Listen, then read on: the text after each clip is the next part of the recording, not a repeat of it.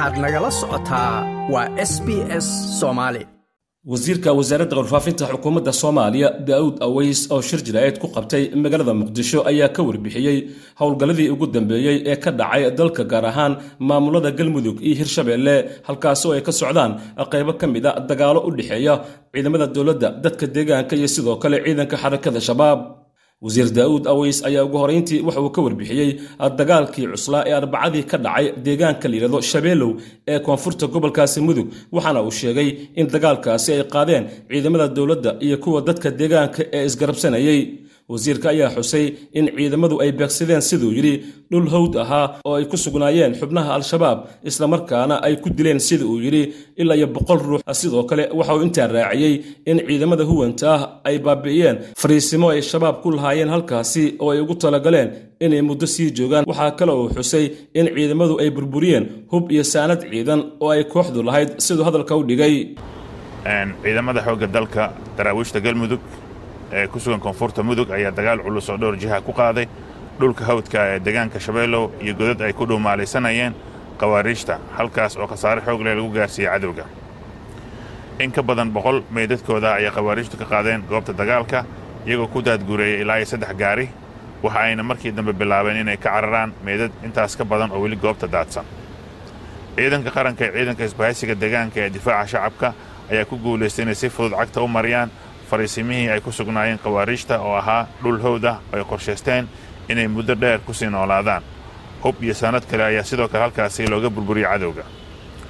Waxa aan bulshada soomaaliyeed la wadaagaynaa in haatan ciidanka qaranka iyo geesiyaasha difaaca shacabka oo iskaashanaya ay ku jiraan howlgalladii ugu dambeeyey ee lagu sifaynayo khawaariijka firxadka ee ku baxsaday hawdka deegaanka shabeellow dhanka kale wasiirku waxa uu tilmaamay in weli howlgal sifayna uu ka socdo aagga degmada mahadaay ee ka tirsan gobolka shabeellaha dhexe islamarkaana ay halkaasi weli ku goodonsan yihiin siduu hadalka u dhigay xubno ka tirsan xarakada shabaab oo ka soo tallaabay dhanka webiga shabeelle islamarkaana dagaal iyo duqayn ay ku socoto.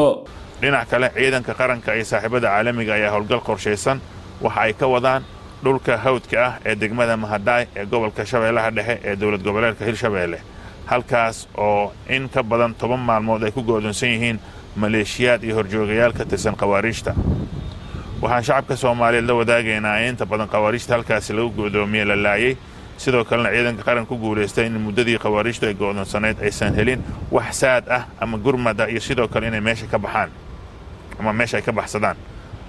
Goobo badanna laga qabsaday dadka soomaaliyeed waxay indhahooda ku arki karaan jabka iyo xasuuqa khawaariijtu ku gaaray howlgalladan markay ciidanka qaranka iyo geesiyaasha dadka deegaanka gudaha u galaan dhulkan hawdka ah oo hadda ay dhinac kasta ka joogaan. Labada bilood ee la soo dhaafay jabka khawaariijta waxauu ahaa mid iska soo dabadhacayay marka loo eego dagaaladii xoogga lahaa ee ka socday galmudug iyo hirshabeelle halkaasoo ciidamada xoogga dalka soomaaliyeed oo kaashanaya shacabka deegaanka iyo weliba saaxiibada caalamiga ah ay guulo waaweyn ka soo hoyeen dagaalka lagu ciribtarayo khawaariijta oo labadii bil ugu dambeey si qorshaysan oo hakad lahayn uga socday dowlad goboleedyada galmudug iyo hirshabeelle waxa uu saamayn xoog leh ku yeeshay argagixisadii ay ku dhuumaalaysan jirtay deegaanadaasi.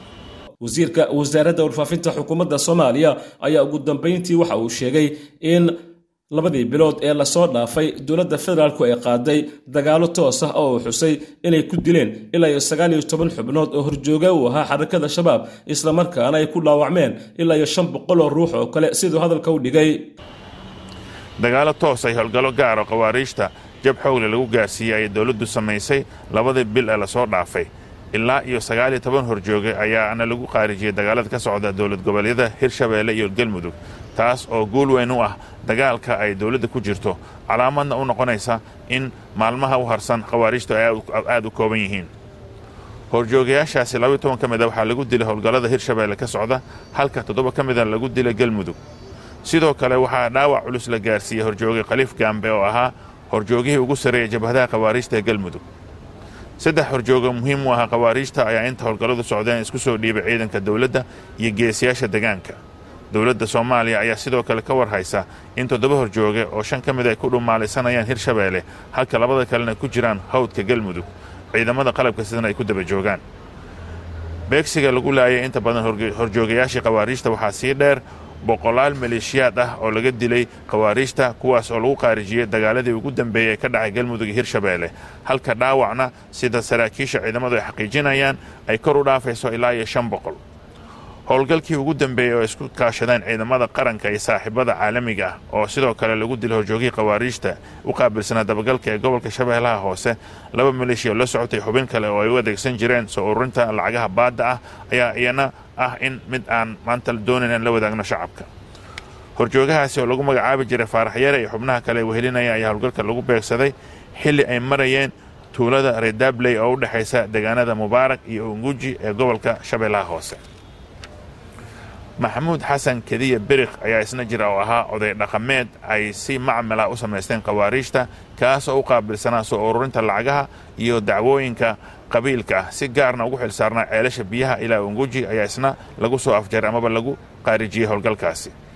Dowladda oo haddaba kaashanaysa shacabka soomaaliyeed iyo saaxiibada caalamiga ah waxaa ka go'an in la ciqaabo dhagarqabayaasha khawaariijta ee ku dhiiran falalka shacabka iyo dalka lagu dhibaataynayo islamarkaana ka dhig adeega in ay ka haraan fikirka iyo ficilada khawaariijta. Ah ciidamada qalabka sida iyo dowladda soomaaliyeed waxaa sidoo kale ka go'an iyagoo dagaalkan ku jira inay ilaaliyaan xeerarka dhaqanka iyo weliba diinta islaamka sida ay farayso marka goobaha dagaalka la joogo. Si kastaba deegaano ka tirsan maamulada galmudug iyo hirshabeelle ayaa waxaa haatan ka socda gulufkii ugu xooganaa ee ka dhanka xarakada shabaab. Ka ay dowladda federaalk soomaaliya ku sheegtay in guulo waaweyn ay ka soo hooyeen ciidankoodii. Walow deegaano ka mida gobolka galgaduud oo horey dowladdu ula wareegtay ay iminka mar kale ku soo laabteen xarakada shabaab waxaana xusid mudan in dagaalkii ugu dambeeyey ee ka dhacay shabeelow oo ay dowladdu sheegtay inay halkaasi khasaare fara badan ku gaarsiiyeen xarakada shabaab iyadoo shabaabka dhankooduna ay sheegteen in ay dagaalkaasi ku dileen ilaa iyo siddeed iyo konton ruux.